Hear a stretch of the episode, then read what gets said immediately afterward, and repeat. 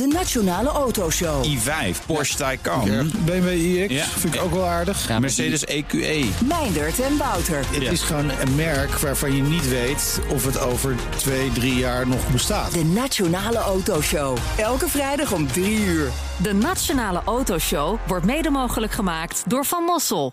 Van Mossel, voor mobiliteit voor iedereen. Blijf scherp. BNR Nieuwsradio. The Big Five. Diana Matroos. Het is een cruciale week voor de wereld. Hoe ver zal Poetin gaan in zijn drang om het Russische Rijk te herstellen? Kunnen Oekraïne en het Westen zich staande houden in al dat oorlogsgeweld of loopt het alleen maar verder uit de hand? In BNR's Big Five van Rusland en Oekraïne spreek ik deze week met vijf kopstukken om te kijken hoe het spel politiek, militair en strategisch gespeeld wordt en ook hoe modern of klassiek deze oorlog nu gevoerd wordt. Vandaag doe ik dat met Dave Maasland. Hij is directeur van het cybersecurity bedrijf Asset Nederland volgt de cyberoorlog die rond Oekraïne gaande is op de voet. Zijn bedrijf is ook degene die de malware onlangs ontdekte, waardoor de overheidssites worden platgelegd eh, daar, ook voor de Russische inval begon. Welkom Dave, fijn dat je daar bent. Ja, dankjewel Diana. Voordat ik het met je ga hebben hoe we nou een succesvolle tegenaanval kunnen uitvoeren. Hè, want uiteindelijk moeten we daar ook over nadenken. Hoe we die Russen het moeilijk eh, gaan maken. Wil ik twee dingen van je weten. Het eerste bedrijf, eh, het eerste vraag is: jouw bedrijf heeft ook een kantoor in Kiev. Jullie Ja. hoofdkantoor zit in Slowakije. Ja. Dus ik kan me voorstellen, dit komt ook allemaal hard aan bij jullie, bij het personeel, bij jou. Hoe Ja. gaat dat? Ja, dat is moeilijk. Eh, wij, wij spreken veel met ons hoofdkantoor, omdat je eh, zeker in deze crisistijden veel plannen met elkaar maakt. We, hebben, we hadden veel plannen gemaakt. Ja. En het gaat niet meer over die plannen nu. Eh, het gaat vooral over hoe het met ze gaat. De zorgen die zijn groot. Ze maken plannen, evacuatieplannen als het moet. Ehm, eh, gisteren het gesprek wat ik had met, met onze vaste contactpersoon, die gaf ook aan van ja, Dave. Wij hebben allemaal familie en vrienden in Oekraïne. En eh, de beste vriend van de, de persoon waar ik mee sprak, die, eh, ja, die, die heeft zojuist twee kleine kinderen achtergelaten om terug te gaan vechten in, eh, in Oekraïne. En ehm, ik heb gisteravond nog contact gehad met onze Oekraïnse collega's. En die, ja, die werken door. Terwijl de stad eh, Heel heftig. wordt. Heel heftig. Ja. komt het er echt eh, angstvallig eh, dichtbij, hè? Ja, ja, het heeft gewoon e- enorm veel impact. En ja, de angst en de onzekerheid, dat is nog wat de mensen echt het meeste, meeste raakt op dit moment. Je bent hier natuurlijk om te praten over een cyberoorlog en op welke manier die gaande is. We zien vooral de klassieke grondoorlog. is die cyberoorlog nou toch een beetje heel rustig gaande? Hoe schat jij hem in? Ja, dat is toch wel interessant. Ik denk dat we er op twee manieren naar moeten en kunnen kijken. De eerste manier waar we naar moeten kijken is wat er feitelijk wel is gebeurd.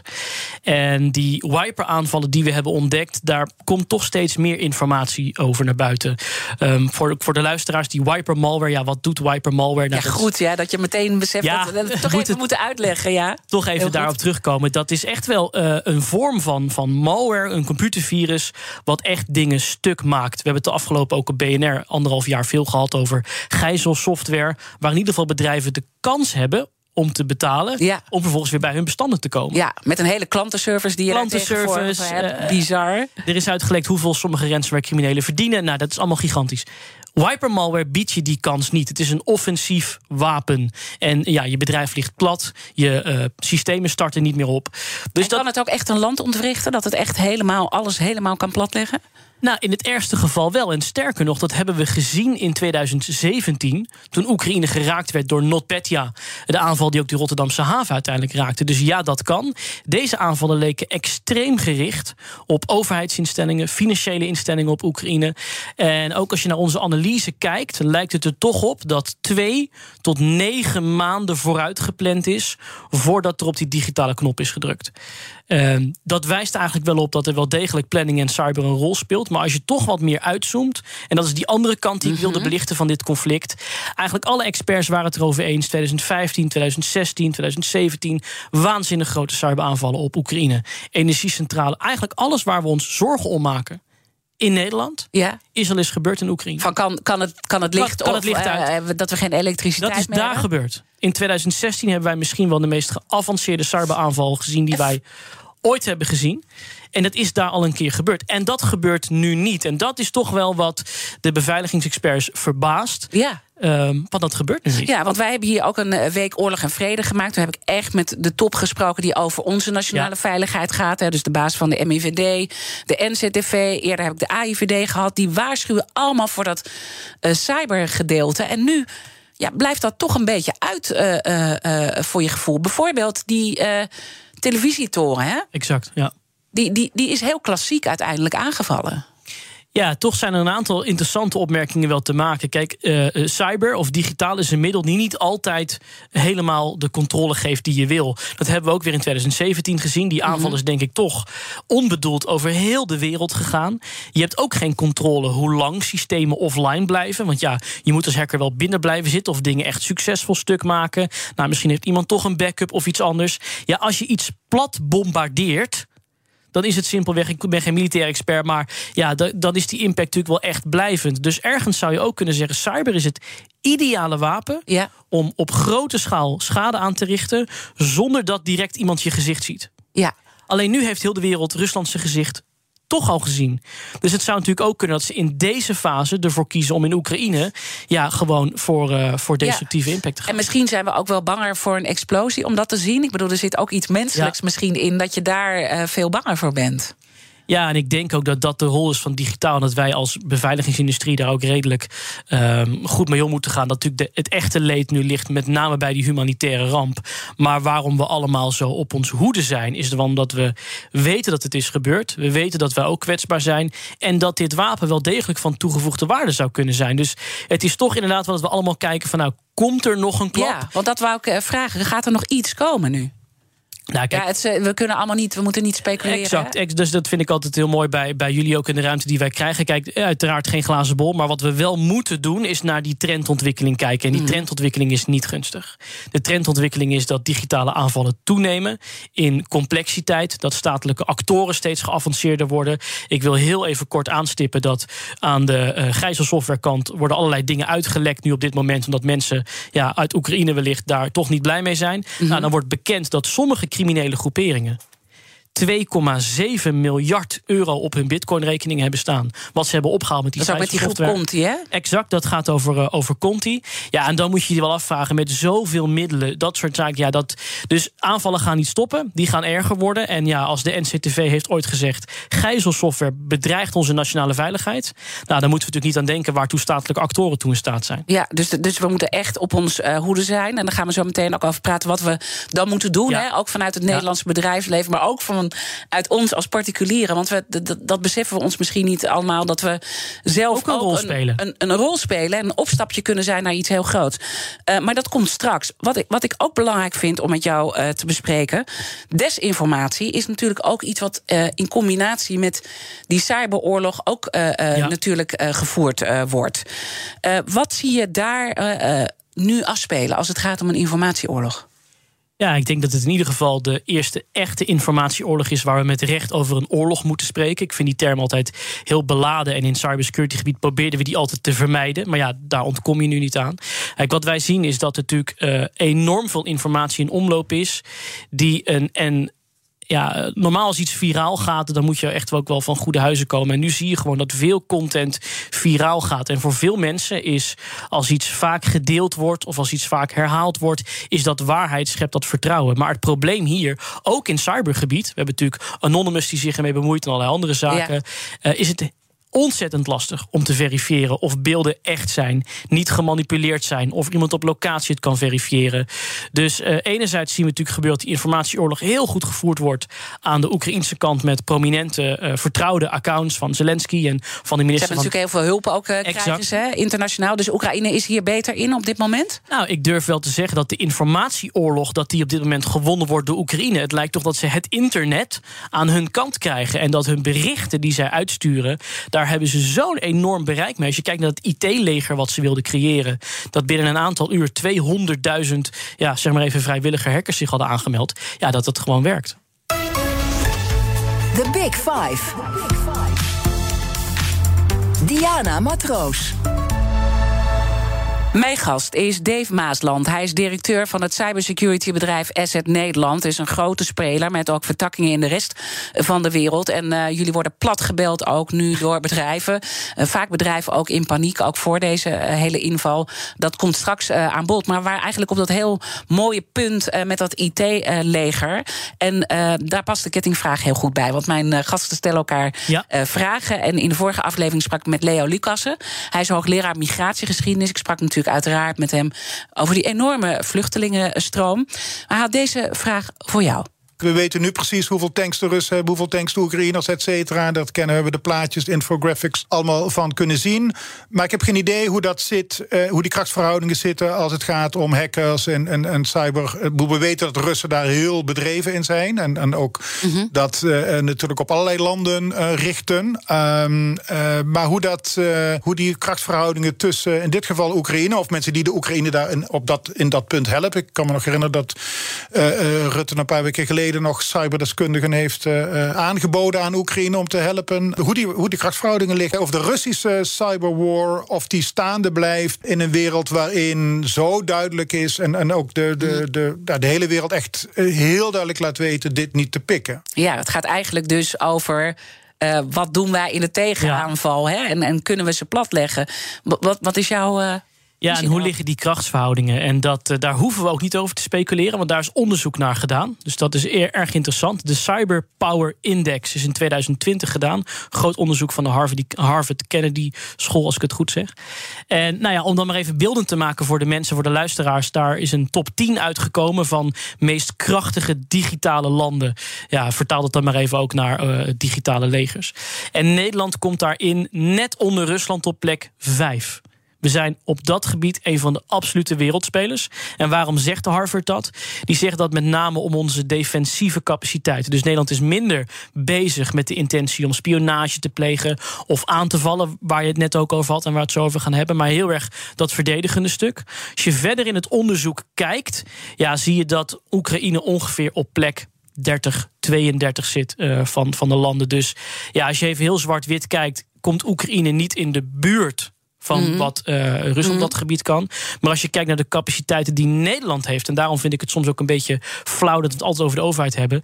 Uh, de Nederlandse overheid of uh, onze diensten zijn wereldwijd echt zijn supergoed op dit punt. En dit, dit begreep ik ook uit mijn eerdere gesprekken met de topman van de MIVD, AIVD, de NZTV. Dus daar mogen we best trots op zijn. als je dan nu kijkt naar het conflict Oekraïne-Rusland, of conflict, de oorlog, ja. dan noemde jij al even dat IT-leger. Daar zitten natuurlijk uh, ja, uit de hele wereld en ook vanuit Nederland uh, hebben wij hulp uh, aangeboden. De grote vraag is: is het nou verstandig? Hè? Want ook op de grond heb je natuurlijk een vreemde legioen. Waar ook bepaalde mensen. Ja, gewoon ook Nederlandse burgers gaan vechten. Ik heb er één geïnterviewd. Dat gesprek gaan we later ook uitzenden. Super heftig. maar is het verstandig? Ik vind dit zo'n goede vraag om deze discussie nu eens, nu eens te hebben ik als mens vind ik hier wat van. Ik zie een oproep van een land wat in nood is. Ik zie een officiële minister in, in, in, in dienst die oproept: help ons aan ja. deze kant. Ja.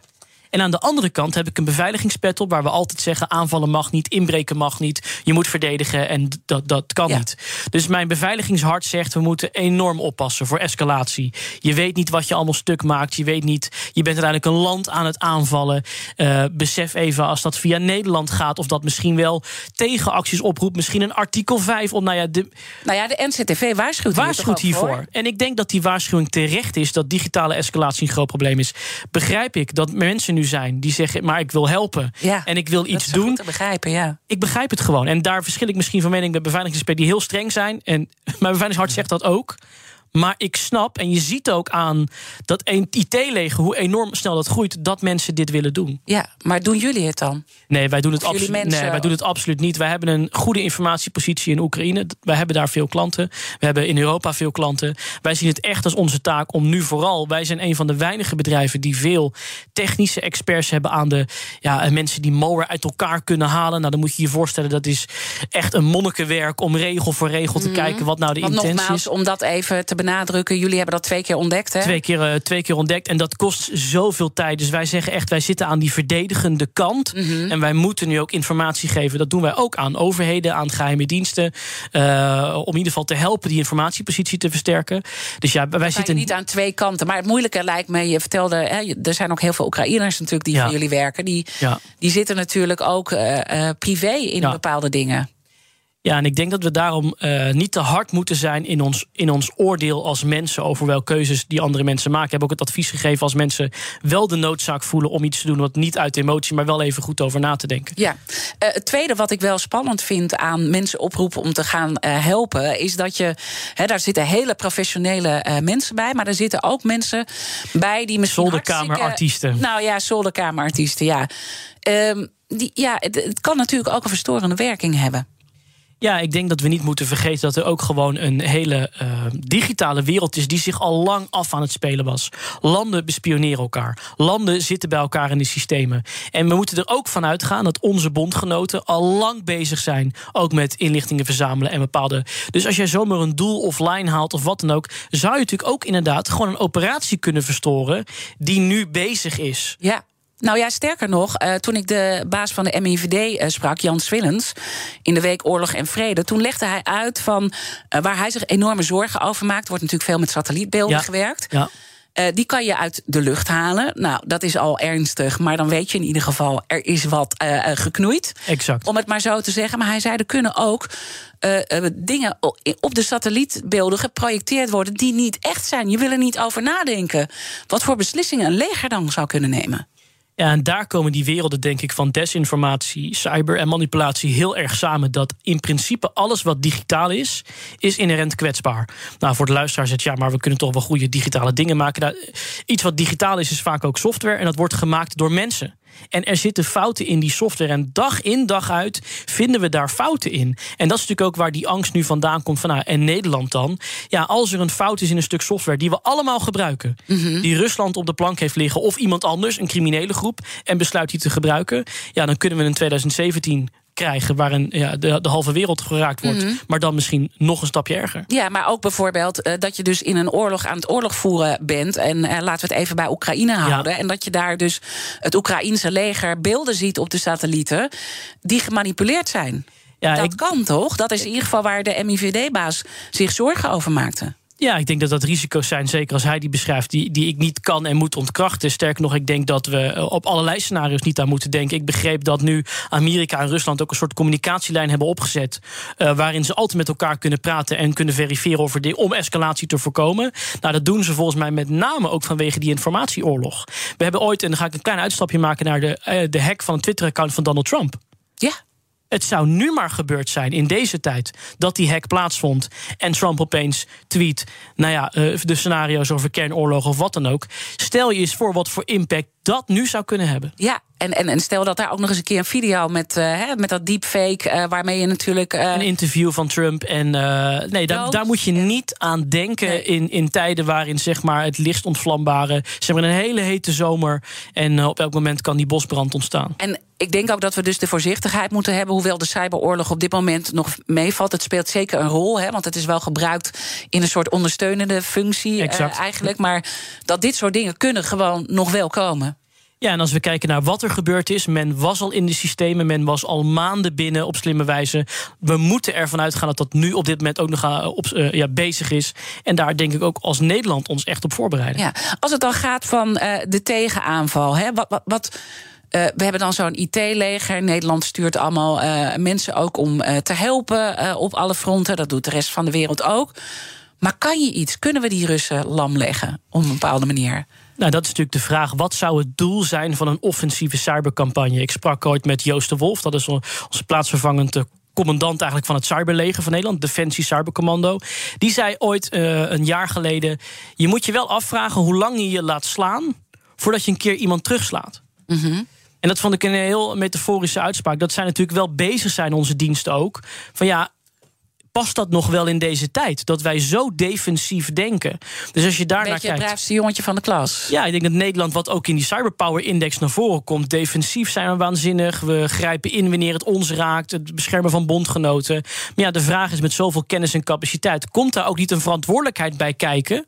Ja. Dat je offensief Dat je durft te zijn. zo, ja, en dat je misschien net zo moet eh, gedragen eh, als de tegenpartij. Wat natuurlijk heel moeilijk is, want eh, wij hebben al de neiging om de inlichtingendiensten niet te vertrouwen. Hè? Dat is Ja. het vertrouwensissue is heel groot. En op het moment dat die zich ook meer op die manier gaan gedragen, dan heb je ook een vertrouwensissue. Ja, ik denk wat de diensten nu erg goed doen. de podcastluisteraar onder ons heb je nu de podcast De Dienst. En dit tweede seizoen gaat over hoe de AIVD een digitale aanval op een Nederlandse energiecentrale stopt. Het geeft wel een inkijk in hoe de dienst werkt en hoe ze dit doen. En ik denk dat dat heel belangrijk is om te beseffen dat onze diensten echt op topniveau zijn. Maar dat we ook uit moeten kijken van ja, wat wil je nou aanrichten in Rusland? Is een economische route? Daar weet Bernard veel meer van. Niet veel slimmer. En wat natuurlijk wel zo is, mijn laatste punt hier, eh, hierover is als je cyberaanvallen uitvoert, zou je natuurlijk wel het publiek, eh, de Russische bevolking, heel erg ja, eh, kunnen beïnvloeden om toch in opstand te komen als ze niet meer kunnen pinnen. Ja. Als ze, daar kan je ze wel mee raken. En er zijn ook al bepaalde dingen die al gebeurd zijn, toch? Als het gaat vanuit de groep Anonymous. Ja, het is moeilijk alles te verifiëren, maar we weten zeker dat er bepaalde websites uit de lucht waren. Eh, die hack van de staatstelevisie leek toch wel echt ook op, op, een, op een vlak. Dus ja, je kan wel degelijk zo'n land die, en die burgers, ook die reviews die op Google Maps werden geplaatst om zo het echte verhaal te vertellen. Dus ook die informatieoorlog. Ik denk zeker dat we, misschien moeten we niet denken in het licht uitzetten in Rusland. Maar ik weet zeker dat er partijen zijn die kunnen zeggen: kunnen we iets doen wat zich wel in Rusland afspeelt? Ja, ik eh, las ergens een bericht dat er nog eh, een groot Russisch bedrijf is aangevallen. En eh, dat daarbij toegang is verkregen tot een controlepaneel voor gastoevoer. Klopt dat wel of niet? Wat weet jij daarvan? Ja, ik heb die tweet gezien en ik zag ook dat die screenshots daarvan zeer legitiem leken. De vraag is toch wel, ja, de- het bedrijf zelf bevestigt dat niet. Uiteindelijk ook niemand in Rusland. Dus ik denk dat we voorzichtig moeten zijn. Maar eh, dit, dit soort dingen gebeuren. En Ja. dit ge- dus, dat, eh, dus ik Ja. sluit het zeker niet uit. Wat ik nog de grootste grap vond, is dat Rusland nu heeft gezegd dat je 15 jaar de cel in kan gaan bij desinformatie. Hè? Terwijl. Ja, het is zien, natuurlijk een- eh, wat is dan desinformatie in hun definitie, denk je dan? Een, een, een, de wereld op zijn kop, zou je zeggen. En dat is ook, denk ik, dat we vooral niet moeten proberen om volgens de spelregels van Rusland op cybergebied te spelen. Want je weet, dat is een spel die je nooit gaat winnen. Helder. Ik eh, praat zo meteen verder met Dave Maasland. Onder andere over de vraag of we eh, hier nou uiteindelijk iets gaan merken van de cyberoorlog die daar al gaande is. En in welke stapjes dat ook gaat. Daar hebben we echt even een beetje de tijd voor. En dat we ook beseffen hoe wij daar allemaal bij betrokken zijn. Hij werkt namelijk voor het cybersecurity bedrijf Asset Nederland. En ze volgen dit op de voet. Blijf luisteren. Ook Bas van Werven vind je in de BNR-app. Ja, je kunt live naar mij en Iwan luisteren tijdens de ochtendspits. Je krijgt een melding van Breaking News. En niet alleen onze podcast Ochtendnieuws, maar alle BNR-podcasts vind je in de app. Download nu de gratis BNR-app en blijf scherp. Blijf scherp. BNR Nieuwsradio. The Big Five. Diana Matroos. Welkom bij het tweede halfuur. Deze week praat ik met vijf kopstukken over de oorlog in Oekraïne. Eerder deze week sprak ik met Jaap de Hoop Scheffer, minister van Staat, maar natuurlijk ook voormalig baas van de NAVO. We hebben het dan ook heel veel gehad over de rol van de NAVO en de beweegredenen ook van Poetin, want hij heeft Poetin meermaals ontmoet. Het gesprek is terug te luisteren via onze BNR-app. Mijn gast vandaag is Dave Maasland. Hij is de directeur van het cybersecurity bedrijf Asset Nederland. Ze hebben ook een kantoor in Kiev. Daar spraken we eerder al over, Dave. En jullie zijn een van de grote spelers in ons land die onlangs malware ontdekte. die Oekraïnse overheidssites platlegde. Dus jullie volgen dat aan eh, alle kanten. Komend half uur wil ik in ieder geval nog twee onderwerpen met je bespreken. Namelijk hoe we onze vitale infrastructuur kunnen beschermen tegen cyberaanvallen vanuit Rusland. En op welke manier het Nederlandse bedrijfsleven geraakt kan worden door de cyberoorlog die nu gaande is. En laten we met dat eh, laatste beginnen en dan ook nog even een stapje terug doen. eh, om een beetje uit te zoomen hoe dat nou is voorbereid in Rusland. Zodat je ziet welke stappen er ook eh, worden gezet om tot zo'n cyberaanval te komen. Hoe is dat gegaan? Wat jullie hebben ontdekt uiteindelijk met die malware. Ja, mensen denken natuurlijk aan een cyberaanval vaak aan... dit zijn computers, systemen, alles gaat geautomatiseerd. Maar dit zijn mensen die dit doen, die hierachter zitten... en die zo'n operatie plannen. We hebben ongeveer vanaf april vorig jaar... als we nu terugkijken naar die malware die we gevonden hebben... kunnen we zeggen, nou, vanaf april vorig jaar... was er al activiteit en waren mensen al bezig die malware te maken en te schrijven. Daarnaast zie je dat ongeveer vanaf november men al binnen was bij een aantal van die bedrijven, overheidsinstellingen. Vervolgens daarbinnen is gebleven, onzichtbaar is gebleven. Misschien wel spionage heeft gepleegd, misschien wel andere doeleinden heeft, weten we niet. En gaat dat dan, begint dat dan, ik ben zo benieuwd hoe begint het? Met een simpel mailtje naar een ambtenaar of zo? Er zijn eigenlijk twee routes als je bij een bedrijf digitaal inbreekt. Een aanval van buitenaf en een aanval van binnenuit. Een aanval van buitenaf vindt vaak plaats door een deur of raam wat open staat, oftewel een systeem wat niet up-to-date is. Waar je dus kan zeggen: hé, hey, op dat systeem kan ik inbreken, want ja, je hebt dat niet goed op slot, niet goed geüpdate. De andere variant is dat je een e-mail stuurt, iemand opent een bijlage, nou ja, op een systeem, ja, dan ben je eigenlijk al binnen bij een bedrijf. Ja, het begint dus echt heel klein. Het begint heel klein. In dit geval begint het bij die bedrijven, begon het bij ja, je systeem niet up-to-date hebben zo braken ze in, terwijl ze al lang hun digitale wapens dus klaar hadden liggen. Zij breken in, maandenlang zijn ze binnen. En op een gegeven moment besluiten ze een aantal uur voor de invasie... besluiten ze ja, om die systemen ook echt stuk te maken. Als we dan even de, de, de brug maken naar de Nederlandse bedrijven. Hè. Volgens mij worden jullie platgebeld, want eh, bedrijven zijn ook best wel een beetje in paniek. Ja, die zorgen zijn er. Sterker nog, we organiseren vanmiddag een soort spoedcongres...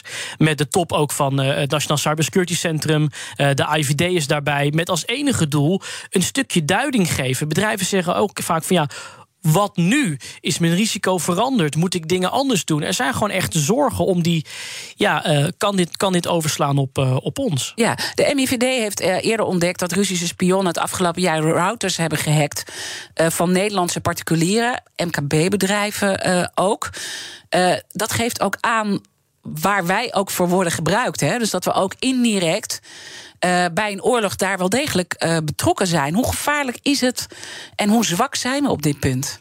Nou, ik denk hoe gevaarlijk is het? En dat brengt dit allemaal mooi samen. Niet voor niets brengen ze dit nu naar buiten. Die groep die hierachter zit, dat hacken van die routers bij bedrijven en consumenten, ja. dat noemen we de Sandworm groep.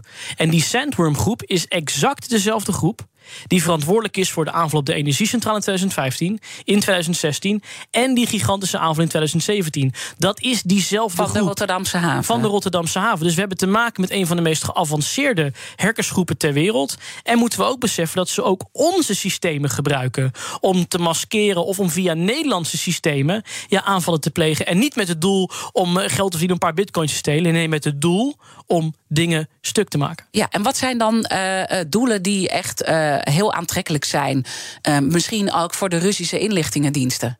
Ja, ik denk dat we daar, daar niet over hoeven te speculeren. Je hebt natuurlijk spionage en sabotage, wat twee doelen kunnen zijn van, uh, van cyber. En ik denk, spionage moet je natuurlijk hebben over overheidsinstellingen.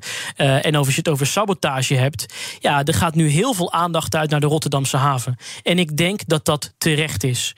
Veel van die bedrijven die daar zitten, vallen niet onder vitale infrastructuur, krijgen niet genoeg dreigingsinformatie. Waar weten we van? Zijn soms kleinere MKB'ers die heel druk bezig zijn met hun core business, geen digitaal specialisten hebben hebben, zich niet bewust zijn van dit gevaar. Dat is echt een groot zorgpunt, toch? En midden in die keten zitten. Dit is een enorm groot, uh, groot zorgpunt. En ik heb me laten vertellen, dat, uh, dat was gisteren op, Nieuwsuur ook... dat 80% van alles wat we hier zien, komt binnen in de Rotterdamse haven. Jullie hadden Bart Groothuis in de uitzending, Europarlementariër voor de VVD... die ook zegt, ja maar jongens, als er ooit wel een conflict komt... hoe denken jullie dat die wapens binnenkomen? Ja, die en, komen hij, ook. en hij is niet zomaar iemand. Hij is voormalig hoofd van het cybersecurity uh, team van Defensie. Van Defensie. dus het is, het is iemand... Uh, die weet hoe deze wereld. Uh, en ja. nu ook de rapporteur van NIS 2. De wetgeving die moet zorgen dat uh, bedrijven in Europa die vitaal essentieel zijn, dat die een betere beveiliging hebben. Want daar hebben we het hier over. De meeste vitale bedrijven die jij en ik vitaal vinden, zoals ziekenhuizen of logistieke bedrijven, zijn op dit moment niet officieel vitaal, als vitaal aangemerkt. Nee, maar dat kan natuurlijk wel degelijk geraakt worden. We hebben vandaag ook het laatste nieuws natuurlijk wat vanuit Rusland binnenkomt, dat die in Oekraïne die kerncentrale ja, in beslag is genomen. Uh, dat, daar, daar, daar moet je toch. Weet je, dat, dat is ook alweer zoiets dat je denkt. Uh, dit kan ook met cyber natuurlijk overgenomen worden op een bepaalde manier. Ja, het zijn zonder paniek te zaaien en zeggen Ja, morgen we kunnen, ook, we dat is niet altijd. eh. Ja. eh, mor- ik word toch wel soms, soms altijd. Ja, morgen kunnen we niet meer pinnen. Zo'n vaart zal het echt niet lopen. Maar alles is digitaal. Ook onze sluizen, ook onze banken, ook onze luchtvaart. Alles is digitaal. Dus er is een risico. Maar laten we daarom inderdaad toch weer blij zijn dat we die dienst aan onze kant hebben. Maar ook die diensten zeggen nu op bepaalde dingen: we zijn waakzaam en we kunnen niet uitsluiten dat. Niet paniek, maar heel serieus moeten we dit wel nemen. Ja, eh, en, en, en dan vind ik het ook wel weer een soort van cru dat wij eh, eh, hartstikke goede eh IT'ers sturen naar Oekraïne om te helpen.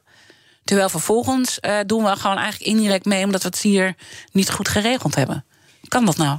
Ja, ik denk dat we het toch moeten hebben over de schaal en het echte probleem wat ten grondslag ligt, denk ik, aan deze digitale crisis. Want zo vind ik hem wel. We zijn te snel gedigitaliseerd en we hebben te weinig kennis opgebouwd voor de lange termijn. Er zijn niet genoeg specialisten, er zijn niet genoeg digitale brandweermannen. Als hier een conflict plaatsvindt als 2017 en al die bedrijven liggen plat, we hebben niet genoeg mensen om die bedrijven digitaal te helpen. Er is in Nederland niet de kennis die er is, is goed, zeker bij de diensten en een aantal bedrijven, maar het is niet genoeg. Nee, en, en je zegt er, er, is, eh, het is niet genoeg de kennis. Maar als je dan kijkt naar bepaalde bedrijven die nu in paniek zijn, hè, eh, of, of er gebeurt iets. En weten die dan echt wat ze moeten doen? Ik denk dat het genuanceerd antwoord is dat hangt er vanaf. Maar in sommige sectoren waar jij en ik dat van echt zouden willen, is dat nu niet het geval. Ze zijn namelijk allemaal nog midden in die digitale transformatie. Wij kennen heel veel klanten die budget hebben, de beste plannen hebben en ook mensen opgeleid hebben om een security team te gaan formeren. Maar daar zijn ze nu mee bezig. Ja. We, zitten, we zijn nog. Ja, eigenlijk, het is toch een beetje alsof we die parachute aan het maken zijn terwijl we uit het vliegtuig gesprongen zijn. Ja. Dat is toch wel een beetje deze Dit, digitale dit, dit is een mooie beeldspraak eh, die je daar doet. En nou, daar word ik niet echt eh, gerust op. Maar goed, we zijn er in ieder geval mee bezig. Nou, dat, Dat denk is in ik. ieder ja. geval iets. Ja, en verder dan misschien sommige andere landen. Maar ja, we waren natuurlijk al erg gedigitaliseerd. Dus dat tempo. Ja. En daar heb ik wel goede hoop in. Eh, gisteren in de persconferentie van Rutte en Ollongren kwam het ook even te sprake. We zijn er toch wel mee bezig. Ja, in ieder geval zijn, zijn- zijn de brillen nu af. Of tenminste de Het goede woord bril cyber opgezet. wordt een keer genoemd. Ja, eh, dus daarin eh, zijn we verder. Maar goed, eh, we moeten nog heel veel stappen zetten. En ik denk misschien ook nog wel mooi. ehm, hè, we denken misschien dit ligt bij bedrijven, MKB'ers, waar ook een zwakke schakel zit, helaas. Maar hoe zit het met mij? Ja, ik denk dat we als consument lang gedacht hebben... ja, dit zal allemaal wel en, en cyber is vooral iets... ze moeten de bedrijven hebben. Maar wat de MIVD nu naar buiten brengt... dat doen ze heel bewust om een heel breed publiek aan te spreken. Ja. En eigenlijk een oproep te doen, help ons. En dat kan zo simpel zijn als het aanzetten... van automatische updates op je systemen. Laat je telefoon zichzelf automatisch updaten. Doe dat bij je router. Doe het bij je tv. Namelijk, elk apparaat is. Ja, misschien maakt het jou niet zoveel uit dat je koelkast gehackt wordt. Maar als die ook weer een verbinding kan maken. en een van de stappen kan zijn in een groter aanvalsnetwerk. dat dus voor een consument ligt er geen grote rol. Ja. maar er ligt een rol voor digitale hygiëne. Want jouw koelkast kan echt gebruikt worden als een. Dan moet je het toch even uitleggen. Ja, dat klinkt natuurlijk allemaal een beetje populair. Maar dat is, is wel, denk ik, iets wa- wat, wat toch goed is. Wat de overheid ook deze campagne lanceert. Kijk, elk apparaat eh, steeds vaker is verbonden met het internet. Eh, een magnetron, dan kan je op afstand kan je hem bedienen. Ja. Of iets anders. Nou, Babyphone, en, exa- en het probleem vaak is de dat. ring. Ik heb, De eh, ring deurbel. Ik heb een deurbel. Nou, Ja. dan kan je op afstand inloggen als het goed is. Ja, ja, zeker. En ik was heel handig. Ik heb gisteren ook met, Met afstand met, de- met, de, wachtwoord?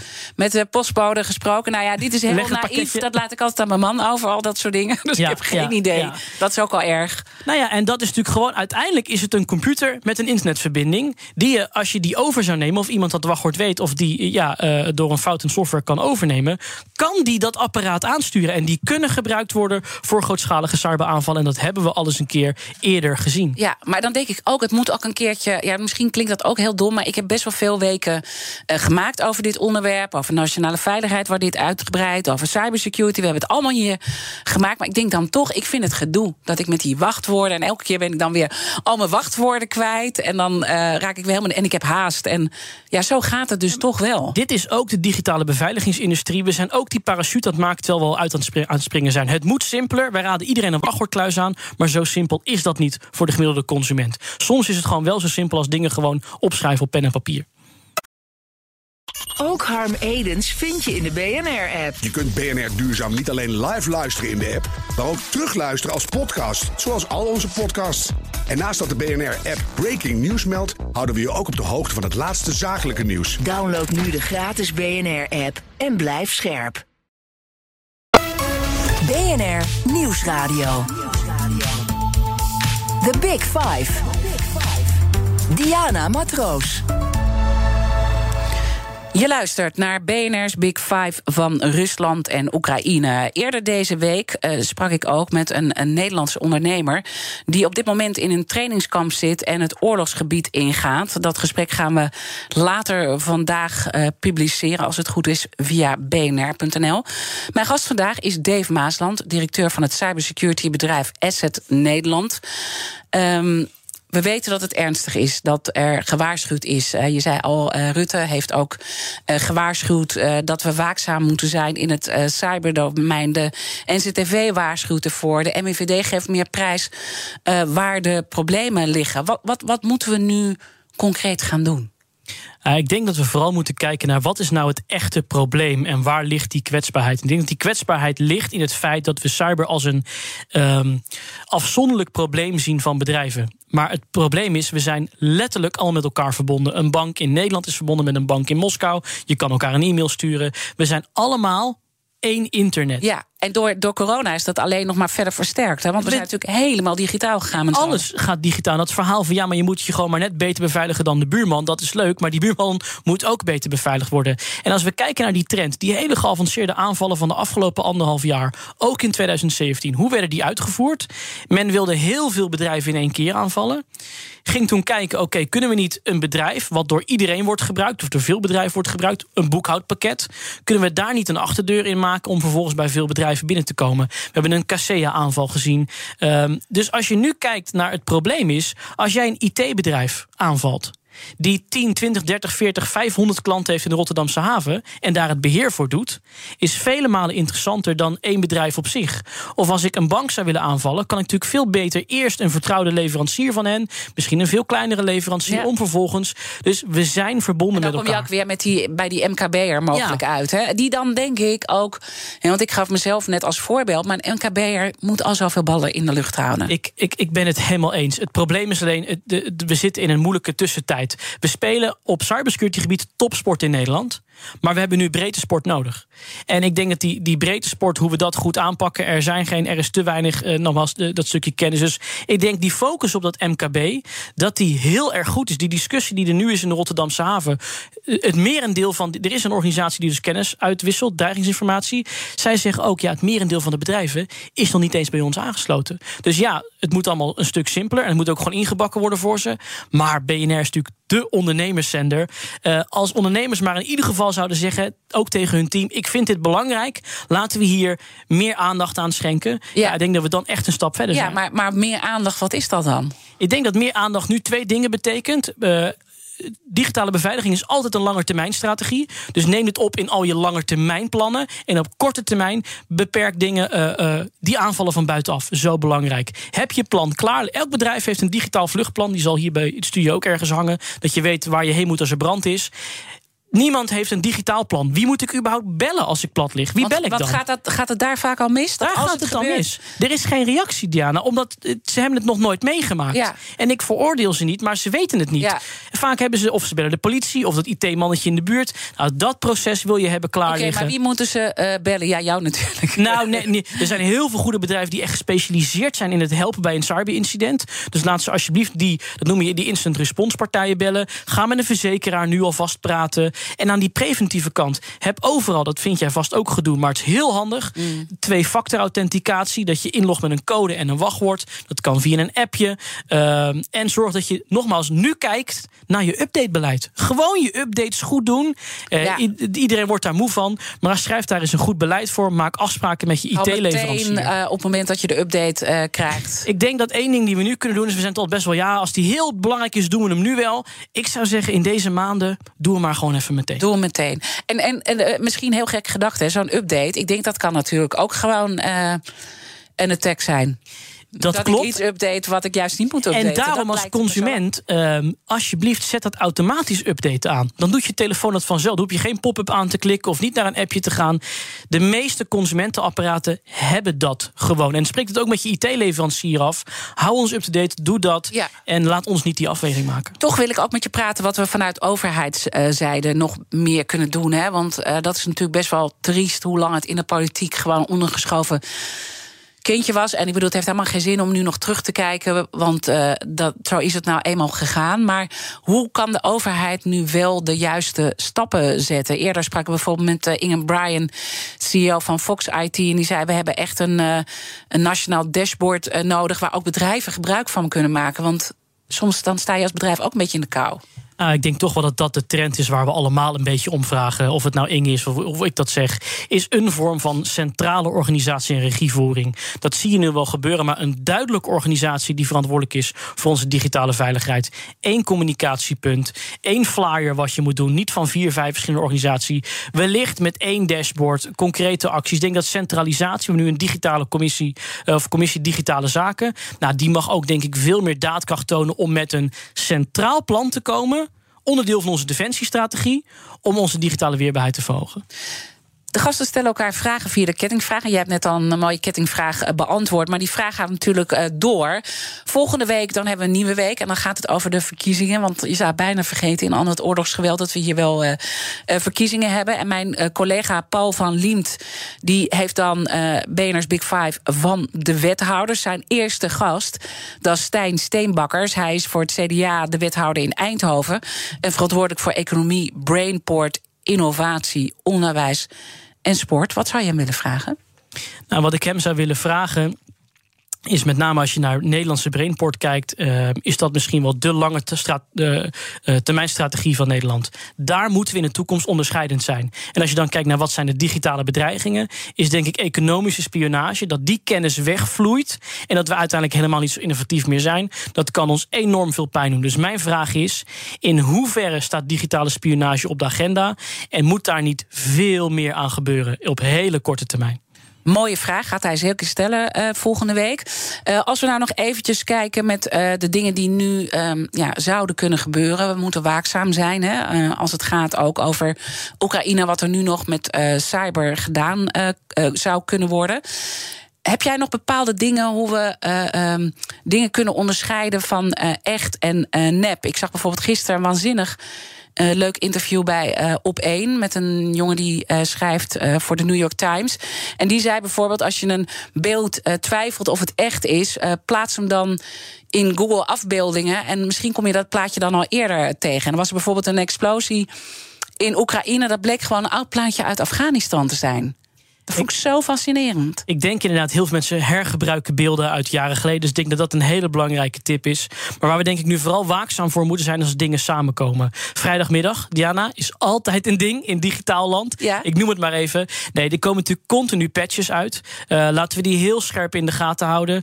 Uh, het scenario waar we allemaal nu naar kijken is natuurlijk toch wel zo'n 2017 NotPetya uh, wereldwijd zoiets. Rotterdamse haven. Rotterdamse haven. Dus komen er patches uit? Zijn er leveranciers die aangeven: hé, hey, wij hebben problemen, update ons. Wees daar nu heel erg scherp op. En laten we zorgen dat we inderdaad waar mogelijk die plannen hebben klaar liggen. voor het geval er toch op grote schaal systemen uitvallen. Geen paniek, maar dat is nu wel wat je kan doen om hierin. Uh, ja, want liggen die plannen klaar? Ik bedoel, als we dus kijken. Uh, ik bedoel, het is maar echt duidelijk geworden. Uh, niet alleen in dit gesprek, maar eerder dat onze vitale infrastructuur gewoon geraakt kan worden. Ja. En dat we dus ook hè, met wat er eerder in Oekraïne is gebeurd. wat jij eerder in ons gesprek ja. beschreef. Dat het gewoon echt. Het is al gebeurd in Oekraïne. Dus dat kan hier ook gewoon gebeuren. Maar hebben we dan de goede dingen klaarstaan? Nou, ik denk dat um, er heel veel tijd is gestoken om die vitale bedrijven weerbaar te maken de afgelopen jaren. Heeft de AIVD ook veel werk aan geleverd. Het probleem is alleen dat uh, ook daar wisselen, komen steeds nieuwe mensen. We hebben het nog nooit echt zo vaak meegemaakt of geoefend. Waar we heel erg bang voor zijn in de toekomst, is in Oekraïne al gebeurd. Dus ik denk waar vooral diensten, bedrijven, energie nu naar moeten kijken die rapporten uit die tijd, wat daar toen gebeurd is. Want we durven wel één ding zeker te zeggen. We hebben deze afgelopen jaren, Diana het te weinig serieus genoemd en niet genoeg tempo gemaakt. We hebben gewoon kop in het zand een beetje gestoken. Vind Ja, het ook misschien moeilijk of zo? Van, Waar moet je beginnen? Dat is ook vaak jouw vraag. Ja, maar aandacht, wat is dat dan? En hoe concreet is het? Het is echt een langetermijnstrategie. Ja. Als cybersecurity is nooit een doel, maar het moet op papier staan. Het moet onderdeel zijn van de raad van bestuur. Het moet gewoon een, een risico worden. En hopelijk over tien jaar is het een risico. Maar nu is het misschien wel het belangrijkste risico. En moeten we niet gewoon ook weer wat meer. Ik bedoel, ik heb hier mooie papiertjes liggen met eh, al mijn mooie vragen erop.